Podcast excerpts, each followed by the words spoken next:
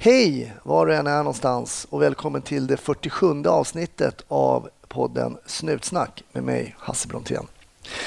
Idag heter min gäst Alex och han berättar lite om hur det är att jobba i den så kallade orten i, i Stockholm, i, förort, i Botkyrka, förort till Stockholm.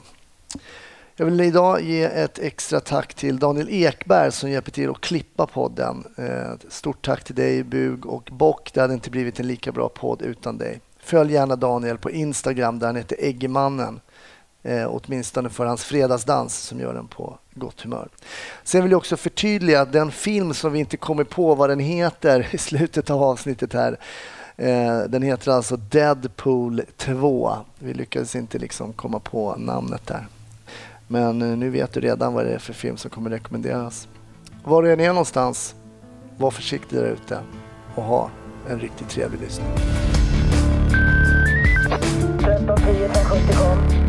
1310 Odengatan kom. Ja, det är uppfattat. Vi tar det. Slut. Bra. Klart slut. Ja, stort eh, och varmt välkommen till Snutsnack Alex. Tack. Hur är läget? Det är bra. Det är bra. Du har precis kommit från... Eh, du har varit och tränat. Jag började träna, ätit lunch, fikat och så kom jag hit och nu fikar jag igen.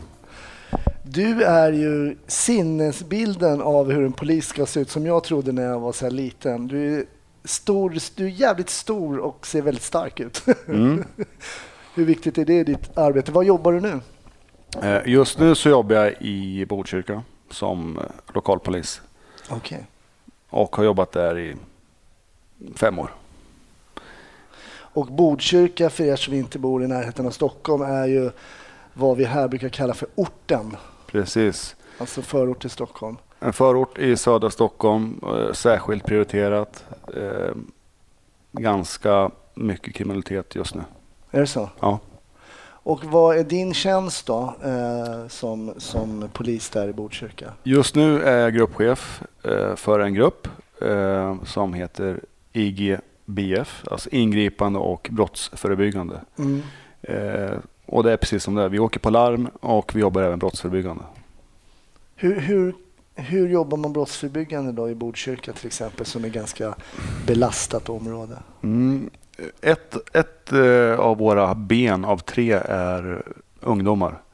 Så det, det är väldigt, väldigt viktigt. Så vi är, jag åker oftast till skolor, eh, fritidsgårdar. Det är där man, man eh, i min värld har, har möjlighet att påverka. Mm.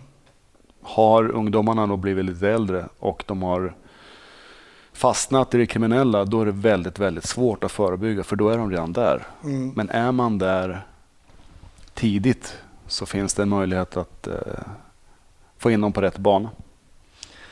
Jag ställde en fråga här som inte du hann svara på precis. Här. Hur viktigt är det att vara stor som polis?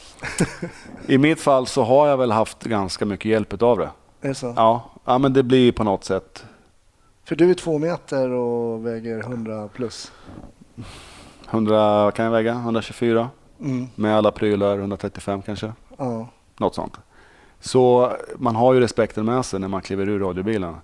Ofta så blir det den där, ja men Alex, vilken då? Ja men den här stora. ja, just det. Så, så visst, eh, lite hjälp har man. Men när du pratar, vi går tillbaka till ungdomsgården där lite Mm. grann och du pratar om ungdomar. Eh, man läser lite i tidningarna, man kanske är på sociala medier så hör man att, och det har man väl hört ganska länge det här med att ja, men kriminaliteten går ner i åldrarna. Mm. Och vad pratar du om för åldrar? När, i vilken tid behöver ni vara där ute tycker du för att du kunna känna att du gör någon form av förändring? Jag tror att runt 12-13, där måste det finnas eh, polis, socialtjänst och andra vuxna aktörer som gör någonting. Mm. Eh, passerar man upp till 15-16, då, då är det väldigt, väldigt svårt att bryta den trenden. Eh, det finns en fritidsgård, som, eller flera fritidsgårdar som jag brukar vara på. Eh, och det är mellan 12 och 15. Mm.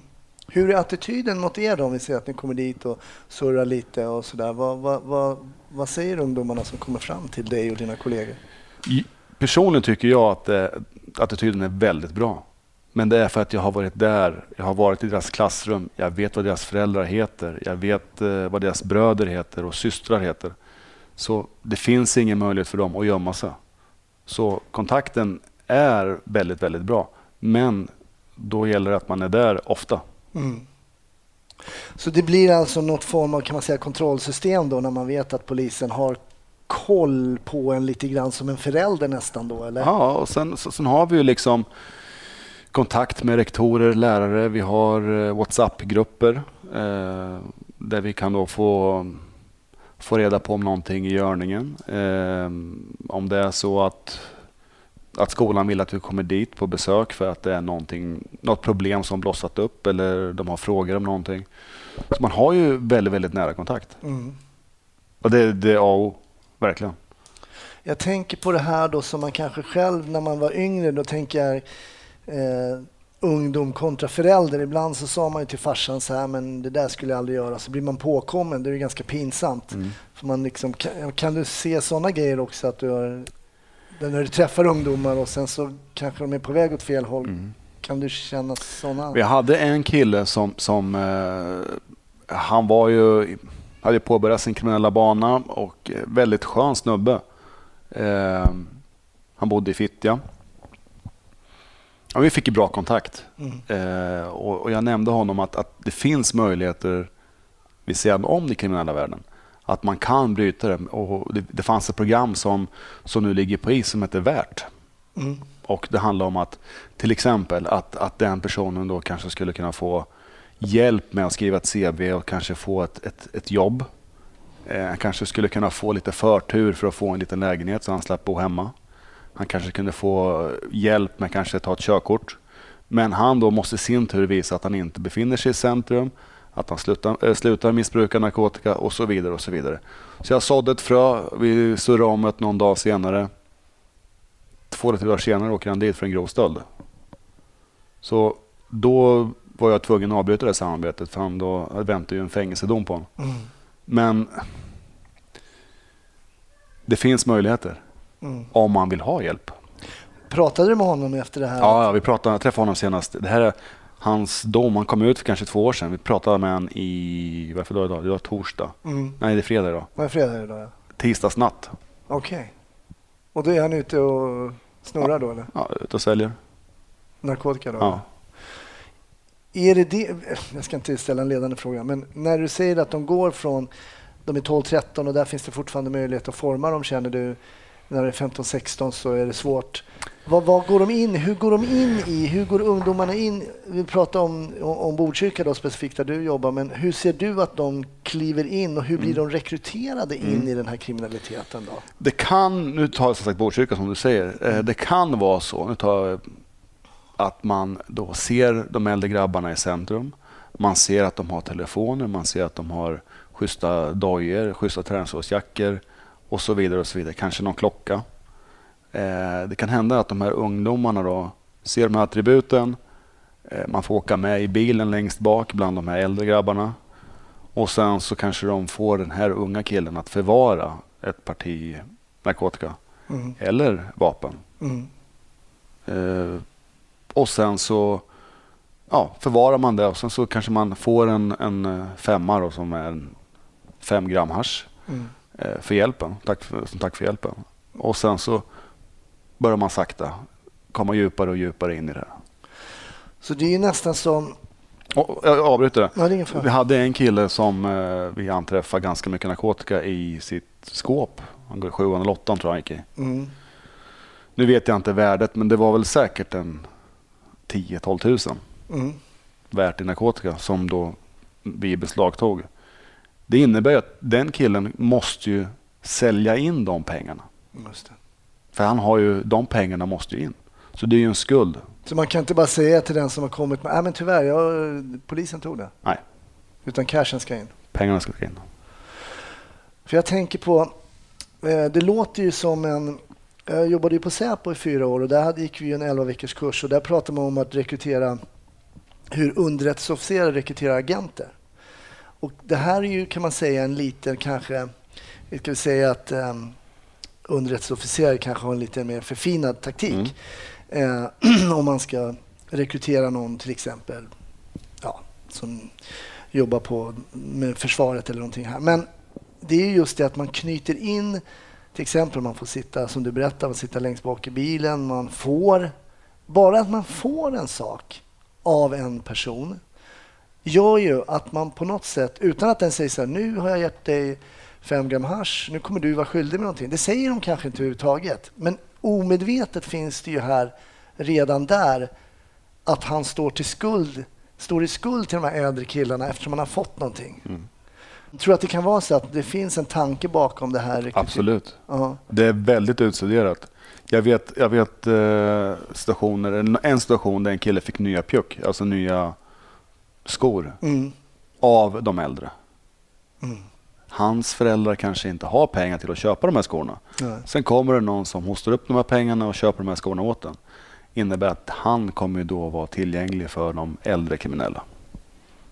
Och för att man ska lämna, om man nu säger att jag, jag vill inte hålla på med det här, låt säga narkotikaförsäljningen mer, då måste man ju då köpa sig fri. Okej. Och de, den siffran kan inte jag, jag vet inte på hur mycket det är, men det är nog ganska många tusen. För att du ska bli lämnad i fred. Okej. Så du kan inte bara säga, nej men nu är jag trött på det här. Nej, precis. Så om jag nu träffar på en kille som säger att jag vill sluta. Han måste ju fortfarande hitta, på dem, hitta de här pengarna för att han ska betala sig fri. Okej. Så det är ingen dans på rosor att vara där ute. Och de, de säljarna som vi har att göra med, som säljer narkotika, de, de har det som ett, som ett arbetspass. Alltså de jobbar 8-9 timmar. De är i centrum hela, hela Det är tiden. heltidsarbete så att säga. Ja, jag skulle gissa att, jag, jag tror att det är någon form av franchise. Mm. Att man köper sin, sin narkotika, tar hem det, styckar upp det och sen så säljer man det. Och sen så behåller man mellanskillnaden. Mm. De äldre får sin del, alltså de som styr hanteringen. Och sen så mellanskillnaden behåller du. Just det. Jag, jag vet när jag jobbade på gatulangningsgruppen på Norrmalm, då fick ju många till exempel fem kapslar heroin på Redis. Alltså det innebar ju att du får, här får du fem kapslar, eh, du ska sälja fyra och jag får pengarna för dem och den femte får Ja. du som betalning. Ja. Och lite så man jobbar då. Att man och också ett sätt att alla kan inte hosta upp att köpa ett parti eh, och sen så att säga göra egen profit som att ha ett eget litet företag utan att man som du säger Mm. här får du knarket, du behöver inte betala men jag ska så så mycket tillbaks. Mm. Och punkt slut, det är ingen diskussion, pengarna ska tillbaks. Men jag tänker på, du berättar om de här skorna till exempel och du berättar lite om de här attributen. Skor, jacka, kläder, klocka. Mm. Hur viktigt är det för de här? För det är väl framförallt killar vi pratar om nu. Mm. Det, de vi ser är ofta som säljer är killar. Mm. Runt, svårt att säga, men 16, 15 till upp till 20. 22 kanske. Och det är också utstuderat. Eftersom straffsatserna är så pass låga på grund av ungdomsrabatten mellan upp till 21 Mm. så blir det oftast inga, ja, det blir inga domar. Det är inga kännbara straff Nej, nej, absolut inte. Det kännbaraste straffet som, som sker är att vi tar deras pengar och narkotika när vi gör tillslag. För de pengarna måste ju betalas tillbaks till de äldre. Just det. Men jag tänkte statussymbolerna, är de viktiga? Som till exempel ha en speciell jacka på vintern? Ja. Och, Alltså du, de, de kan ju bo i... Vissa killar och tjejer som vi kommer hem till när vi gör husrannsakningar så, så är det oftast lite pojkrum med, med en enkel säng. Eh, och sen så väldigt torftigt. Man bor hemma hos mamma. Och sen så kan man kanske ha en fin bil. Som kostar, jag vet inte vad, x antal hundratusen. Så bilen är ju väldigt viktig. För det är en statussymbol. För vissa, mm. upplever jag. Men jobbar ni, jobbar ni civilt ibland och i uniform ibland? Eller hur, hur jobbar ni? Tanken är väl att vi ska jobba både och. Eh, Men jag, som du pratade om, min, min storlek gör ju att det spelar ingen roll hur jag jobbar. För jag kan inte ens kliva ur en bil först när jag vet att det är jag. Du är din uniform? Ja, så, jag kör väl uniformen 90 procent. Just det. Eh, Men det, det är ganska bra också för då får jag en reaktion. Just det. Om det är så att de har narkotika på sig. Det spelar ingen roll, jag jobbar lika offensivt ändå. Det är så. Ja, ja. Det är nästan lättare för mig. Än om du hade haft en Ja. hoodie och stått i något gathörn. Det hade Ja. inte funkat. Jag hade ju för sig en, en, en händelse, när vi ska prata om en händelse här, så, så hade vi, vi skulle göra en eh, framryckning i Alby centrum. Och då var vi fyra stycken och då sa vi så här, ah, men vi gör så här att tre stycken ställer sig på baksidan. För när jag kliver ur bilen, jag var civil, så skulle de andra då springa eh, mot baksidan där våra kollegor stod och väntade. Och eh, när jag kliver ur bilen så ser jag en kille som står och säljer. Han står ju och har säljväskan på sig, alltså en sidoväska. Mm. Och när jag är på väg in mot Alby centrum så visslar han på mig. Som att, vill du köpa? Mm. Men han var ny, han var hans första dag på jobbet. Hade han en sån där så det stod ny på jobbet? Lite Så här, prao. eh, och där var det faktiskt så att han, jag frågade så här, vad har du i väskan? Och då la jag handen på väskan och sa, nej men jag har ingenting i väskan. Eh, men det låg ju både kokain och hasch. Sen dess har inte jag sett honom där. Jag tror han fick kicken efter första dagen. ja, det är väl kanske inte meriterande att åka fast Nej. första dagen. Inte vissla på polisen. Hade han inte gjort det så hade jag gått förbi bara tror jag. Jag hade också en sån rolig händelse faktiskt. Jag stod på Plattan. Jag var ju långhårig på den tiden. Såg ut som någon indian. Jag var inte så här gråhårig som jag är idag. Då kommer en kille och tappar en vinflaska ur en plastpåse. Den liksom gled ur. Det var något hål liksom. Så jag sa det. Äh, men du tappade din vinflaska. Han bara, "Åh, schysst, schysst, schysst. Så nu ska du, du köpa Brian. Står där som civilpolis. Ja, men det vore aldrig fel liksom. Det är snart helg och grejer.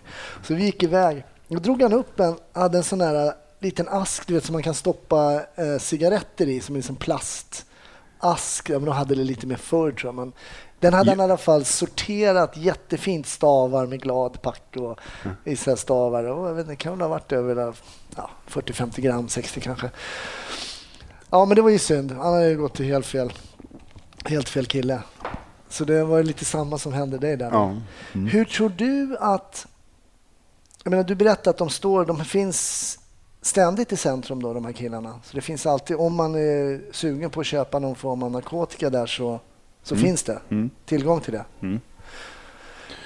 Det, det gör det. Och, och, alltså, vad ska man säga? Vissa droger har de ju mer, mer lättillgängligt. Mm. Det har vi sett. Och då när jag pratar vissa droger så är det ju cannabis. Alltså både marijuana och hash. Mm. Det finns ju överallt. Mm. Det ligger i, i rabatter, inne på hyllor i affärerna och så vidare. Precis, jag tänkte komma till det. Det är alltså så att de, typ, de dockar eh, narkotikan som har inte allting på sig.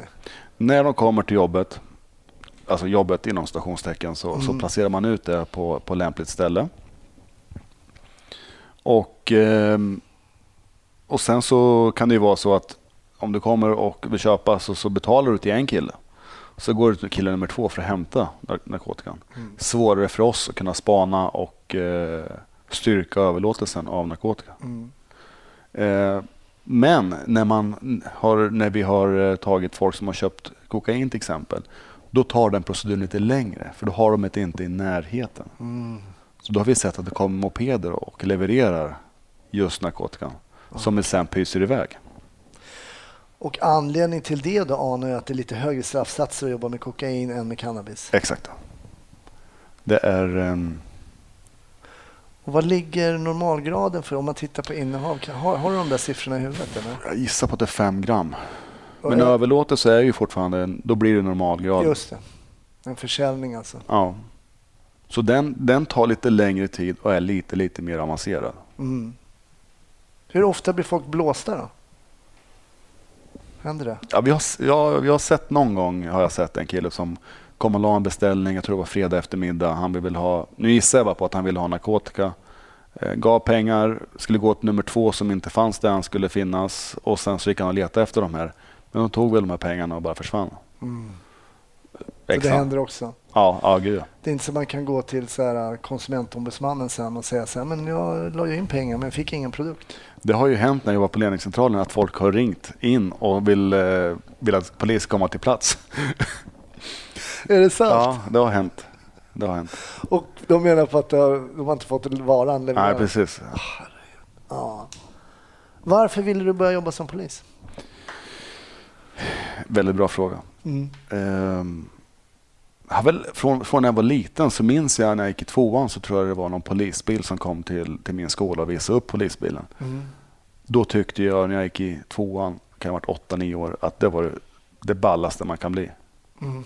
Sen har det där legat kvar. I det. bakhuvudet någonstans. Så jag flyttade upp eh, från Norrköping upp till Stockholm. Jobbade som säljare. Jag hade spelat hockey. Eh, Karriären var på väg att ta slut. Mm. Eh, Så skickade jag in ansökan så kom jag in. Och på den vägen är det. Hur var, ehm, hur var det att liksom utbilda sig till polis? Du gick på Sörentorp. Hur, var- hur var det? Jag hade rätt kassa lärare. Jag vet en sån riktigt klass. Ja, men för om du glömmer bort de riktigt dåliga lärarna. Eh, nej, men ehm, jag tyckte det var bra. Alltså, Jag tyckte det var bra. Sen tyckte jag att två år flöt på väldigt, väldigt fort. Ja. Man växte in i rollen väldigt, väldigt snabbt. Eh, miljön på Sörentorp var bra. Eh, övningarna var bra. De övningarna som vi gjorde då finns fortfarande med i bakhuvudet. Det är så? Ja, när man jobbar, när man kliver in i lägenheter, vad man ska titta efter, säkerhetstänk Mm. och så vidare. och Så vidare. Så jag tycker de var riktigt, riktigt bra. Mm. Man får komma ihåg, man försökte göra de där övningarna och jag gjorde ju dem själv när jag gick på skolan, så man försöker göra dem så verklighetstrogna som möjligt. Det är klart att det aldrig kan bli verkligt, men det är ändå liksom det tänket att man får in det, att det sitter kvar är ju väldigt positivt Mm. ändå. Hade du den här övningen på busshållplatsen, stökiga ungdomar på en busshållplats? Jag hade någon där det var någon som sprang iväg. Kan det ha varit den? Nej? Nej, det var faktiskt... Hade du Alex, Alex han eh, psykologen? Tilly? Tilly? Ja, ja. Nej, jag hade någon annan kvinnlig. Ah, okay. För det var han och jag som hade den där övningen. Nej, men då var, när man kom fram till busshållplatsen så var det ju helt enkelt så att de som hade bråkat vid busshållplatsen var borta. Så satt det två unga tjejer. Och de gick på gymnasiet. Vi hade sagt att de skulle smäda alla poliser som kom dit. Alltså var ju väldigt otrevliga utan att, så att säga, hota eller... Och det var väldigt intressant att se hur eh, polisstudenter, hur olika man reagerade på att bli så råkränkt. Jag sa det, har någon stora öron, gå stenhårt på det. Har någon stor näsa, gå stenhårt på det. Är någon storväxt, liten, bara kör. Var riktigt otrevliga, för det här kommer de få höra. Nej, en del la ju ner de där tjejerna på backen och det var, men det var en väldigt intressant övning att se, medan en del var hur softa som helst. Det var någon som sa, "Ah, du har så stora öron och du är ful och din mamma är säkert ännu fulare och du vet så här. Mm. De gick på ganska bra. Ja, det var ju någon som sa, ah, jag vet, jag har riktigt fula öron. Det är därför jag åker till Ungern varje sommar. Tjejer i Ungern älskar ju killar med stora öron, visste du det? Du vet, de gjorde det till... Och när man liksom som ljud använder den där negativa kraften och, och gör det till sin fördel så funkar det väldigt bra. Och där tyckte jag man kunde redan där utvisa vilka som hade liksom ett bra surr. Mm. Eh, Och, och det är skitviktigt. ja. Alltså, För hur är det när du möter de här eh, killarna och tjejerna liksom ute på, på, i orten då? Hur, är det, hur viktigt är det att ändå kunna snacka med dem lite på, lite Ja, men- på men deras nivå? Det, det, det är 99 procent av jobbet. Ja.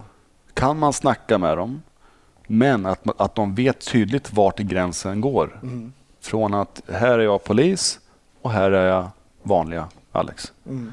Samma sak som dem.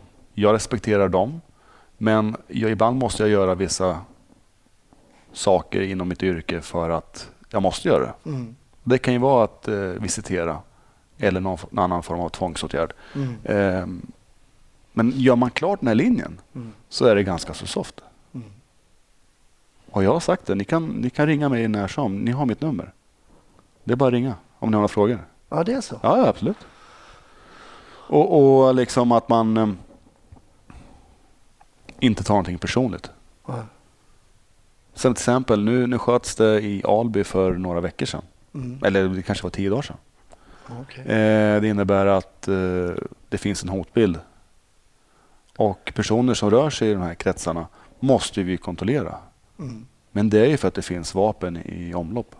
Och det är inget ont gentemot dem, utan så här är det. Och, Eh. och, och förklarar man det så är det inga problem. Just det.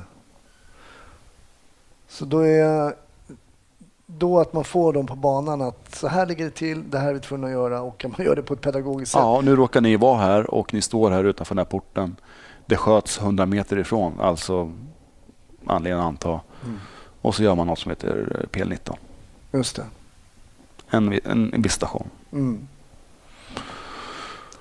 Hur tycker du att du liksom, och ni som jobbar där ute rent lagtekniskt, hur tycker du att eh, det funkar liksom med det lagtekniska? Tycker du att du kan visitera, göra till exempel kolla upp folk? Eh, Eh, Funkar det tycker du? Det, det Jag tycker det funkar väldigt bra. det gör det? Ja, jag tycker alla kollegor sköter sig väldigt, väldigt bra.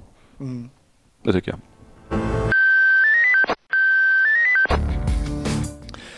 Hur mycket polisbrutalitet är det i orten då? Det finns ju ett konto som heter Polisbrutaliteten i orten. Jag är fascinerad över att de ännu inte har kunnat visa upp någon Mm. brutalitet på kontot där. Men hur, hur mycket stämmer det där? För det går ju rykten om att eh, poliser då är väldigt brutala. Så hur mycket jobbar ni med mm, på så sätt? Liksom? Mm. Med fysiskt? Med, med handen på hjärtat så, så har jag inte använt mer våld än vad situationen kräver någonsin. Jag har jobbat i vad kan det vara, 12-13 år. När var Mm. det? 04 gick jag i skolan. Men nu är du extremt stark också. Ja, precis. precis. Så, så jag, nu, nu talar jag om det jag har jobbat med och de jag har jobbat med och eh, vad jag har sett. Så upplever jag inte att, att det används våld. Jag skulle vilja hävda att de använder mer våld. Det kastas mer sten mot oss och flaskor när inte vi är med än vad vi gör mot dem. Mm, alltså, Så, våld så våldstrappan använder de nog mer. Sen så upplever jag att eh, deras våld gentemot oss inte är så allvarligt när vi är på plats, face to face. Men har de distans så, så kan det ju komma både det ena och det andra. Ja, okej. Det, där är, det där är rätt intressant. Så också. är de nära så är, blir de ju på något sätt neutraliserade eftersom vi vet vilka de är. Mm. Men när det är mörker, man är någonstans, täcker för och det är tio pers och en sular en sten. Mm. Ha lycka till att lista ut vem det var som kastade. Mm. Nej, den är ju väldigt svår. Att Ja. lagföra en sån person är Precis. väldigt svårt. Men när de nära så, är det väldigt sällan det. Men, men visst, det, de ligger väl med eh, någonstans med förtäckta hot hela tiden. Mm. Okej. Speciellt om man är ny eller att man testas eller någonting. Okej. Eh, Men jag tycker att jag intervjuade en, en, ehm, en gammal gruppchef till mig i podden som heter Affe som är pensionerad polis idag. mm. Och han sa ju det att han sa en bra grej att du kan ju liksom fråga ett barn var ska polisen vara någonstans? Och så kommer barnet svara där tjuvarna är och där bovarna är. Och när du berättar det här att ju närmare du kommer en person, kommer du face to face, då är det ganska, då är det inte många som gör massa dumheter. Men när de är på distans, och då kan man börja kasta sten och gömma sig bakom andra och så här. Jag menar, det här måste ju tala sitt tydliga språk, att polisen måste komma närmare Mm. där, där det händer och det du beskriver som du beskriver att ni jobbar just nu. Nu, nu kan jag börja prata om Botkyrka, Mm. men jag upplever att Botkyrka kommer väldigt, väldigt långt i sitt arbete, eh, lokala polisarbete. Jag skulle nog hävda att det, vad hette det förut, närpolis eller kvarterspoliser? Ja, vad hette det? hette det väl? Ja, men innan det hette det kvarterpolis. ja, kvarterspolisen Ja, tidigare. och, och det är så man ska jobba. Mm. Man ska vara där ungdomarna är. För ungdomarna är ju de som begår väldigt mycket brott. Mm. Ehm, Men ser ni också olika fraktioner av ungdomar som liksom olika grupperingar? Som Ja, absolut. Alltså, vi kan ju se... Ta tre år sedan så var det en kille som eh, gick på en skola i Norsborg. Så när han kom ut från... Jag skulle träffa rektorn, klockan kanske var halv tre. Mm. Eh, skulle dit och träffa rektorn och surra lite med honom. Då har han haft hemkunskap, så han bjöd mig på pepparkakor. Han gick i åttan. Okej. Nu står han i centrum och säljer. Det är tre år sedan. Så, så, så visst, det går ju undan. Eh, Ja, har du påmint om pepparkakorna? ja, jag har faktiskt nämnt det en gång för honom. Ja, kanske inte låter så, så- coolt för, inför de andra polarna att han har gett dig pepparkakor. Nej, precis. Nej, men det är en sån grej som jag kan göra använda för att avväpna honom. Ja. Alltså att jag minns att jag har sett honom. Mm. Eller vad hans bror heter eller vad hans syster heter. Just det. Så jag tycker det är skitviktigt. Och, och, eh, o, alltså vad ska man säga? De hamnar i kriminalitet mot sin vilja i vissa fall. Mm. Jag tror inte man vaknar upp som, eh, som en ungdom, nu ska bli kriminell, utan på något sätt så invaggas man in i den här Mm. kulturen. Och då med den här lite ganska smarta på något sätt rekryter rekryteringsprocessen som vi var inne på lite innan. Att sen- man ger dojer och lite sånt Och så ser man folk som flashar med x antal tusen lappar så tror man att det är väldigt, väldigt lätt att tjäna pengar. Ja. Men i, i själva verket så går det ju back för du måste ju själv till slut börja finansiera ett eget brukande. Mm. Hur mår de här? Hur uppfattar du att de mår? Liksom? Hur, Skit. Är det så? Ja. Skit. Jag har ju träffat, jag har ju, jag har ju folk som jag känner som är uppåt 30-35. Mm. De mår ju skit. Riktigt slitna. Eh, bor hemma eller bor inneboende i ett rum. Har eh, liksom ingen skola. De, har, de jobbar och lever för sin lilla femma, alltså hasch. Mm. Eh, drar lite liner på, på helgerna. Klart som fan inte de vill leva det livet. Nej. Men hur... hur det, nu är det såklart det är inte polisens uppgift att, ehm, att se till att folk får jobb och sådär. Men vad tänker du? Där har jag ett exempel faktiskt. Ja. Jag har faktiskt skrivit upp det. Ja, eh, ja, ja, det, var faktiskt, det var faktiskt innan sommaren. ja. Eh, så finns det en kille som, som eh, har varit något som heter SIG-ungdom.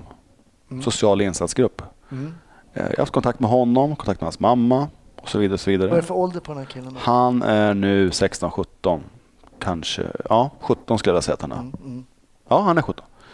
Eh, hans, han har jag inte så mycket kontakt med. Han är en av narkotikaförsäljarna i Botkyrka just nu. Så ringer hans syster som är några år äldre och säger jag behöver hjälp. Ja, vad är det för hjälp du behöver? Ja, men jag behöver hjälp. Jag behöver liksom komma ifrån det här. Hon är då också eh, på gränsen att hamna i det här. Och då berättade hon för mig att hon hade haft ett jobb på en hamburgerkedja som hon inte hade kvar. Hon hade jobbat på något äldreboende som hon inte hade kvar. Hon var väl 19-20. Mm. Ehm, hon har faktiskt lite glimten i ögat. Så då har jag ju kontakt med en eh, lokal, eller en stor kedja som finns i Botkyrka. Mm. En affär. Mm. Eh, så jag åker upp, tar ett snack med butikschefen och säger att jag har en tjej som, som, eh, som vill lämna. Eller hon, hon vill ha ett jobb, hon vill ha hjälp. Så då säger jag så här, jag kan rekommendera henne, men jag Mm. kan inte gå god för henne. Just det. Så han säger åt henne, be henne ringa mig och skriva ut ett CV. Sen dagen efter går hon dit. Sen ringer hon till mig dagen efter, hon var på intervju och så säger hon, jag fick jobbet. Okej.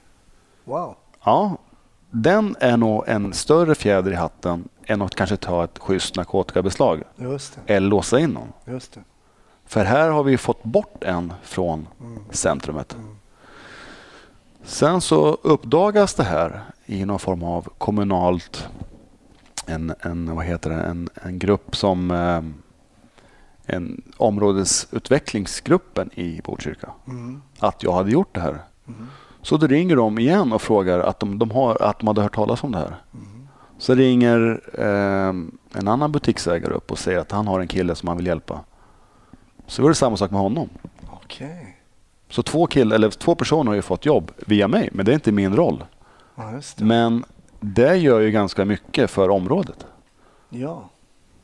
Det är en grym story. Så, så det finns... Och det här handlar ju också om din personkännedom. Hade inte du haft den här personkännedomen så hade det inte det här kunnat hända egentligen. Och det är också, vi pratar om närheten till Och- de här personerna. Precis, och sen så var det faktiskt i somras så, så är vi på någon brand i Slagsta, ett radhus som hade brunnit. Mm. Så vi har ju spärrat av där och det, det är brandkår och det är ambulans och så vidare. Och så vidare. Och så kommer det en, en bil och inåkandes, en Merca, som vi ska slå stopp på. Mm. Och då är ju föraren, den här killen som då hjälpte med jobb, det är hans brorsa. Okej. Då säger han, tack, eh, tack för att du fixar jobb åt brorsan. Så det är också en sån här grej som jag då, jag, jag mår ju bra av att hjälpa andra. Det. Och det är så här, varför vart du polis? Ja, man vill hjälpa andra. På vilket sätt? Ja, men här har du ett utmärkt sätt. Mm. Men kanske inte det då klassiska som man tror. Eh, Rädda en katt ifrån ett träd eller, eller släpa ut någon ur en brinnande hus. Nej, men det är det inte. Men, och, och nu skulle, om det nu är så att den här killen skulle vara ett centrum. Han skulle aldrig våga kasta en sten mot mig. Nej. Just det. Så Man bygger helt enkelt man bygger trådar mellan... Ja. Eh, alltså, du är ju myndigheten på ett sätt, fast du är Alex Mm. så är du ju ändå en polismyndigheten. Och, eh, ja, men det är ju häftigt och det är väl precis så här man spontant tänker att polisen borde jobba. För att det man ska ha klart för sig också, det här med CV till exempel. ibland när jag nämner frågan, så har du ett CV, om jag står och snackar med en ungdom, då ser det ut som frågetecken. De har ingen dator hemma, de har ingen skrivare, de har ingenting. Nej, Så, för alla har inte sina egna rum. S- De lever väldigt spartanskt. Mm. Så eh, då får man kanske ta med dem till fritidsgården. Nu sätter vi oss och skriver ett CV. Just det. Nu gör ju inte jag det, men då får jag be på fritidsgården. Den här personen ska ha hjälp nu. Mm. Du berättar om den här systern då? Mm. eh, Hon ringde mig i måndags. Igen och ville surra om någonting. Då ringer hon bara? Ja, hon för- ringer på mitt privata. Jag har, jag har tjänstelur hem. Jag kan inte ens telefonnummer till det. Det är privata som ringer? Ja. Det får du inget extra betalt för? Nej. Nej. Vad, vad vill hon prata om då? Eh, I det här fallet var det faktiskt hennes lillebror. Ah, okej. Mm. Mm. Men eh, jag skulle vilja fråga om tjejerna just där, för vi pratade mest killar som säljer, berättar Mm. nere i centrum och sådär. Eh, men vad är tjejernas roll i det här? Vad är, syrrorna, vad gör de? Om de också har ett skralt eh, flickrum eller kanske Mm. bor tillsammans, delar rum med. Vad gör tjejerna då som eh, inte har jobb på hamburgerkedjan eller? Om, vi kollar, om vi kollar narkotikahanteringen så gissar jag på att de förvarar en del. Mm. De är oftast inte lika extroverta som killar är. De tar inte lika mycket plats, vilket de medför att de inte får ögonen på sig Mm. på samma sätt. Mm. Ehm, Men är de med när de är ute och kör bilarna och sådär? Ja. Finns de liksom Ja. med killarna då eller? Det gör de. De sitter oftast. Det finns med i någon bil man stoppar. Ehm, Jag vet fall där man vissa kriminella som inte kan ta lån, inte kan ha saker och ting på sitt namn. Mm. Man eh, står på en bil. Man betalar liksom räkningarna, böterna och så vidare. och så vidare. Mm. Eh, För att den personen inte då kan köra bilen. Eller äga bilen. För att den har skulder till Kronofogden. Så tjejerna kan stå på bilarna då? Alltså? Ja, det händer. Och eh, den, den sidan av arbetet tycker jag kan förbättras. Det är väldigt, väldigt bra i Botkyrka. Men samarbetet med Kronofogden och andra myndigheter är, är eh, under utveckling. Kan bli ännu bättre. Det finns ju sekretessproblem till exempel att Mm. ni är skyldiga som poliser att lämna uppgifter till exempel till sociala Mm. myndigheter men ni får inte tillbaks Ja. någon information. Tror, tror, finns det förbättringar att göra där? Det är oerhörda vinster. Ja. Häv sekretessen. Mm. Speciellt om det, om det är narkot- säga, kriminalitet som är nätverksbaserad. Ja. Det kan ju vara att man äger en kiosk eller någon annan står på äger en, en thai-kiosk. Mm. Eh, Men man får bidrag för att man är sjukpensionär fast det är inget fel på en. Och så vidare och så vidare. Så får de pengar från allt möjliga ställen. Så att häva sekretessen i det Ja. läget skulle man skulle kunna knyta ihop saker och ting. eh, Och, ja, och vi har ju något som heter RUCKen. Mm. Regionala underrättelse någonting. Mm. Eh, ett arbete som är väldigt, väldigt eh, bra.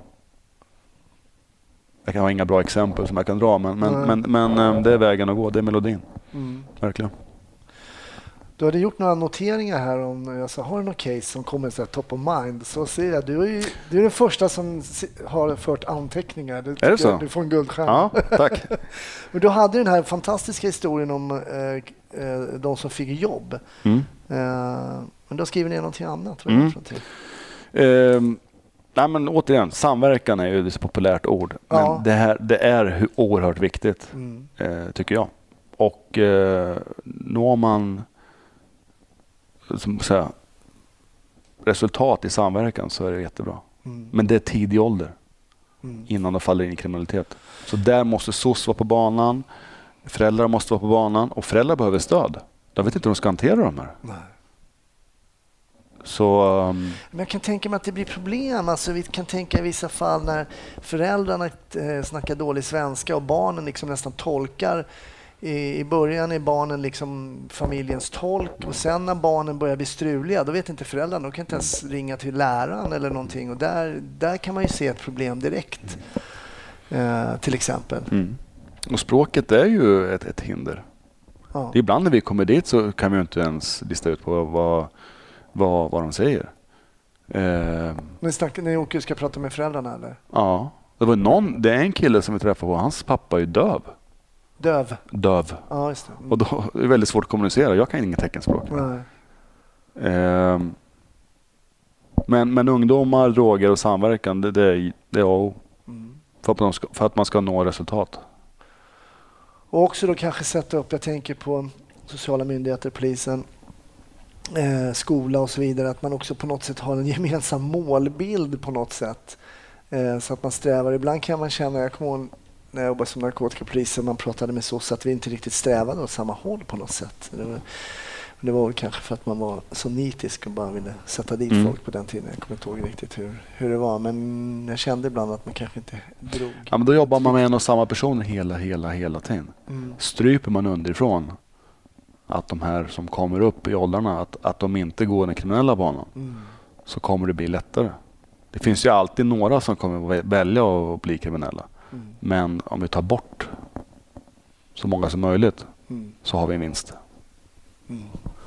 Ja, det, det är ju ett komplext problem. Det är ju väldigt, väldigt svårt såklart. Eh, och det finns ju många ungdomar där ute som är på glid. Det som man pratar mycket om eh, och som har varit liksom snack i Sverige om, om orten just där du bör, eh, jobbar är ju det här med no-go zones. Finns det sådana i Sverige eller finns det inte? Jag vet inte riktigt vad definitionen är men definitionen ska ju vara på något sätt att där average Joe inte kan gå in eller ställa sin bil eller sådär och bara gå Mm. runt och eh, flanera utan att det är Mm. någon viss risk för att man blir utsatt för brott. Mm. Vad tror du, du som jobbar? Nej, skitsvår fråga. Ja. Men, men jag hävdar att, jag vet inte, alltså våra bilar försöker vi ju placera så att vi har syn på dem hela tiden. Ja, det är så. Ja. Det är i alla fall mörka timmar. Så händer det titt som tätt att vi får däcken skurna eller sönderslagna rutor. Nu har jag ingen statistik, men det sker Ja, rätt ofta. rätt ofta. Det sker nog inte i andra delar, ta innerstan i Stockholm.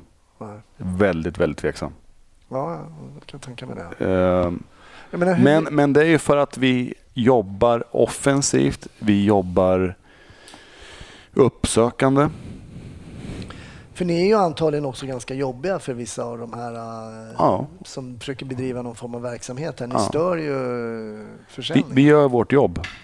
Ja. Som härom, eh, vad kan vi ta, x antal veckor sedan innan semestern tog vi 200 kilo cannabis.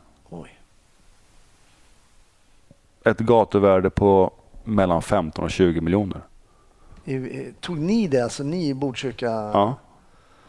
Och året innan hittade vi en bil med 200 kilo cannabis och lite kokain.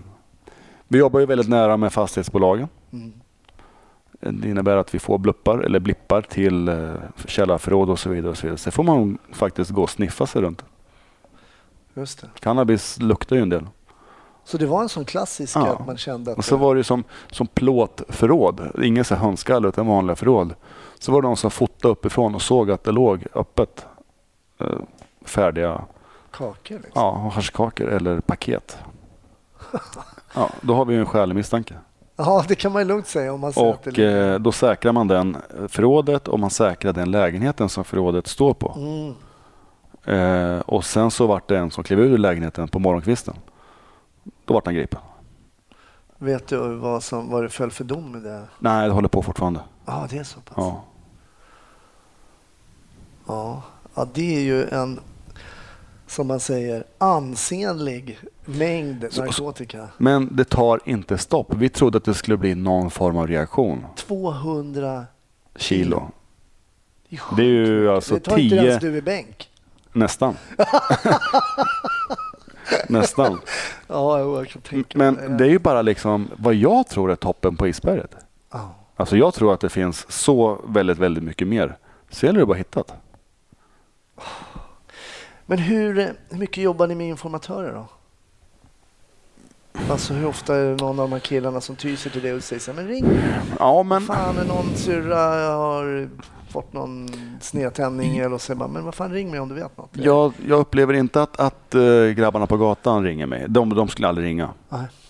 Ja, det har hänt någon gång, men då har de inte velat lägga något tips utan då ringer de bara för att de vill dubbelkolla någonting. Okej. Ehm, men det som har skett är ju att fastighetsvärdar, bovärdar, alltså trädgårdsarbetare, hissreparatörer, eh, de ringer. Det ringde någon, någon elfirma som hittade två handgranater i Fittja för två år sedan. Okej. Hemma hos någon? eller? Nej, i, nej, oftast vill man ju inte ha saker och ting hemma. Utan man, man lämnar det ju i utrymmen som, som fler har tillgång till så man inte blir bunden till det. Ja, just det. Så um, Ja, det är ju raffinerat. Alltså det är, man gömmer då narkotikan i buskar och på, i butiker och så, här, så att man inte kan... Träna. jo, jag avbröt dig faktiskt när du skulle... Jag pekade på dina anteckningar där och då kom vi in på samverkan och det. Men Mm. om du, det var något case du hade skrivit ner tror jag. Mm. Nej, men vi hade ett, ett, eh, det här är ju inte så jättepolisiärt, det kommer inte resultera i något brott. Nej, men men, det- man det- åker ju på en del jobb och sen när man är på vissa jobb så, så tror man ju oftast det värsta. Man, man börjar måla upp saker och ting. Just det. Och Men sen, är det någon form av mental förberedelse då? Liksom? Ja, jag tror det. Mm. Så vi, vi, vi får ett jobb. Vi ska åka till Masmo. Eh, när vi kommer dit Vad får är, ni för uppgift? Varför är ni eh, det, det, det är oerhört mycket musik från en lägenhet. Okej. Alltså, han har fönstret öppet mot gården. Mm. Så det är ett höghus. Så höghuset mitt emot, det är helt upptänt och folk står på balkongerna och skriker. Det är helt galet. De vill att han ska sänka... Ja, precis. Ja, ja, visst. Och så ringer vi på. Så, så vi, grannarna, det är ju hur mycket grannar i trapphuset som helst. Mm. Det är 10-15 personer som kommer. Eh, så vi möter. Och så säger de så här att eh, ja, men det varit fest. Alltså musiken har varit på sedan klockan två. Och klockan är ett på natten. Så vi bara, vad fan är det här? Och då har ju liksom störningsjouren varit där två gånger och de kan inte komma in. Eh, vi ringer på, inget svar. Vi ringer på. Vi hör ju musiken. Mm. Så går vi till grannen och försöker knacka på hans balkong. Inget svar. Så jag och kollegan säger så här, fan alltså det, det är någonting som har hänt. Mm. Så vi försöker ringa så gott det går. Vi ringer runt till, till den här personens släktingar. Mm. Vi får tag i, i hans ex och hon säger någonting i stil med att nej, jag har inte haft kontakt med honom på jättemånga år. Jaha, hur mår han då? Ja, det vet jag inte, men det kan nog vara både det ena och det andra, säger hon. Jaha, och sen så är det ju låst inifrån för att övre nyckeln sitter kvar. Okej. Det Då, inte att komma in nej, om man inte forcerar dörren. precis. Men ehm, då är tanken, då är han där. För då är han ju låst inifrån. Just det. Så då är festen, alltså musiken har jag varit på lätt nio timmar. Och det är så högt. Så vi ringer efter låsmed eh, och, eh, och säger till kollegan att vi går in. Så min kollega går först, jag går efter. Det är så hög musik, någon form av trance-musik, tung musik, att vi kan inte ens prata med varandra. Det är högsta volym helt Ja, enkelt. och sen är det nedsläckt. Och när vi kommer in så ligger det en, en person i sängen. Som, ja, vi väcker honom, han ligger och sover. Så musiken har ju varit på. Vi, vi undrar ju fortfarande idag, hur, hur fan har man lyckats sova sig igenom det här? Det är alltså, gå på något nattklubb. Det, det, han låg där och dunade och sovit i nio timmar.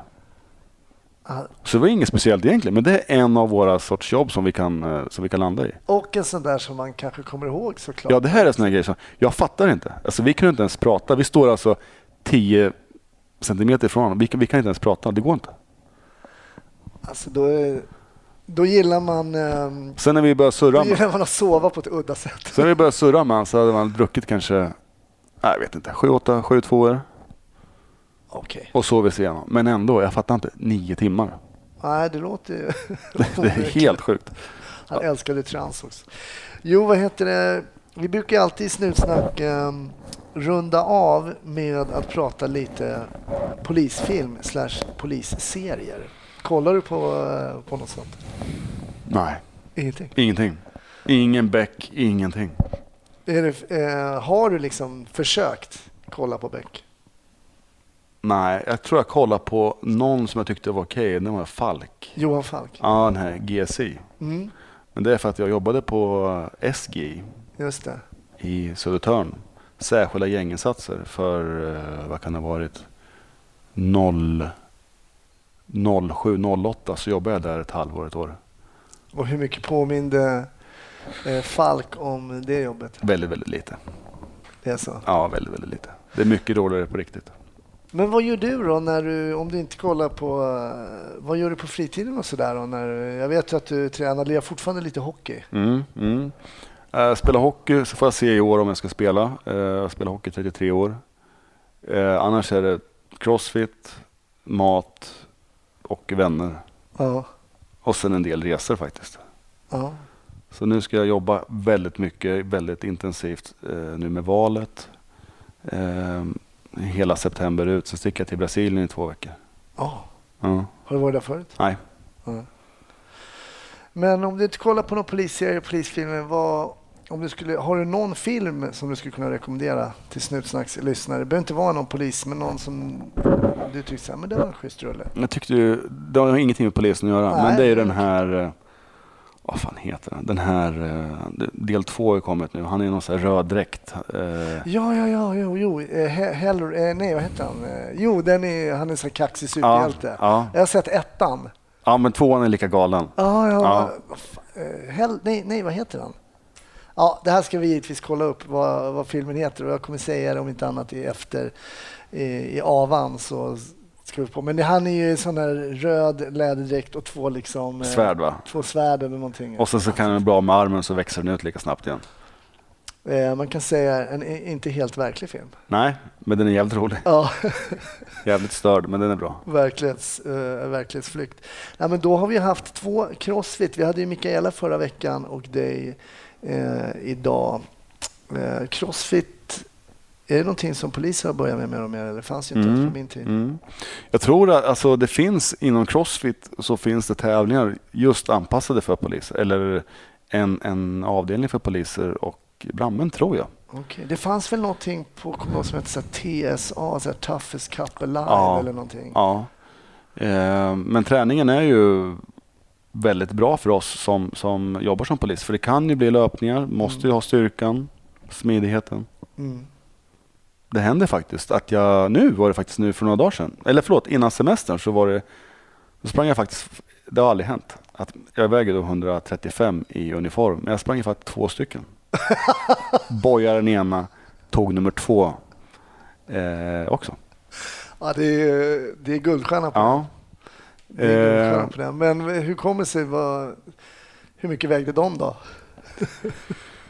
det var faktiskt, eh, det var, Jag ska inte förringa din nej, insats. Inte förringa din det, insats. men det var lite äldre missbrukare. Ja. Men just det där bara att eh, gripa två och vara en polis, det är ju guldstjärna bara det. För att det räcker ju egentligen med att folk går åt varsitt Mm. håll så, så är det ju väldigt, väldigt, väldigt svårt. Och han jag sprang ifatt efter 200-300 meter, han ska väl tilläggas var väl 50 någonting. Okej, han var lika gammal som Ja, jag. han, och han levt ganska hårt liv också. Ja. Men eh, jävligt skön faktiskt. ja. Och det eh, ska man ju inte ta ifrån folk. Och jag kommer ihåg att jag sa det till mina studenter, jag vet inte om du sa det, men jag sa att man ska inte glömma man ska vara ödmjuk nog att komma ihåg att det ofta är tillfälligheter som gör att man sitter på ena eller andra sidan skrivbordet. Jag tror att det är ganska viktigt att ha den inställningen. Att man inte är för mer än någon annan sådär, utan en är polis och det hade någon annan kunnat vara också, men det går inte alltid som... Precis. Nej, men han, han, var, han var trevlig och skön och, och hör och häpna erkände allt. Hoppsan. Mm. Ja, det hör inte till vanligheterna kanske. Nej, ja, men um, det varit ett bra case. Ja. Alex, stort tack. Jag vet att om man eh, tycker att ditt arbete låter intressant och eh, med det du gör ute i, i Botkyrka så kan man följa dig till exempel på Twitter. Mm. Och där heter du polisen i orten va? Eller polis. Din, din polis i orten. Din polis i orten till och med. Din, är det, men du har någon underscore där någonstans? Eller heter, eller Jag tror inte det. Jag Din- tror det är din polis i orten. Din polis i orten. Ja, precis. På Twitter. Och där uppdaterar du lite grann ibland vad som händer och vad som sker. Precis. Din polis i orten. Ja. Mm. Nej, men det var det, säger Kan det vara polisorten? Kan det vara den som är... Just det, polisorten är att polisorten ja, och din polis i orten. Ja, ni som eh, hänger på Twitter kommer ju hitta Alex där. Eh, Jag säger bara, jag bugar och bockar och tackar för en väldigt eh, intressant inblick i hur det funkar lite ute i Botkyrka där du jobbar. Och eh, lycka till i framtiden. Tack så mycket. Tack.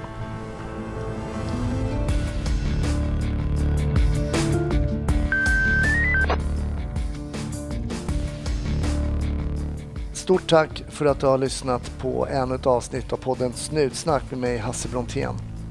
Du hittar Snutsnack på Facebook, gå gärna in och gilla där. Och mig hittar du också eh, på sociala medier under mitt namn Hasse Brontén. Ha en fantastisk vecka så hörs vi nästa. Ha det fint.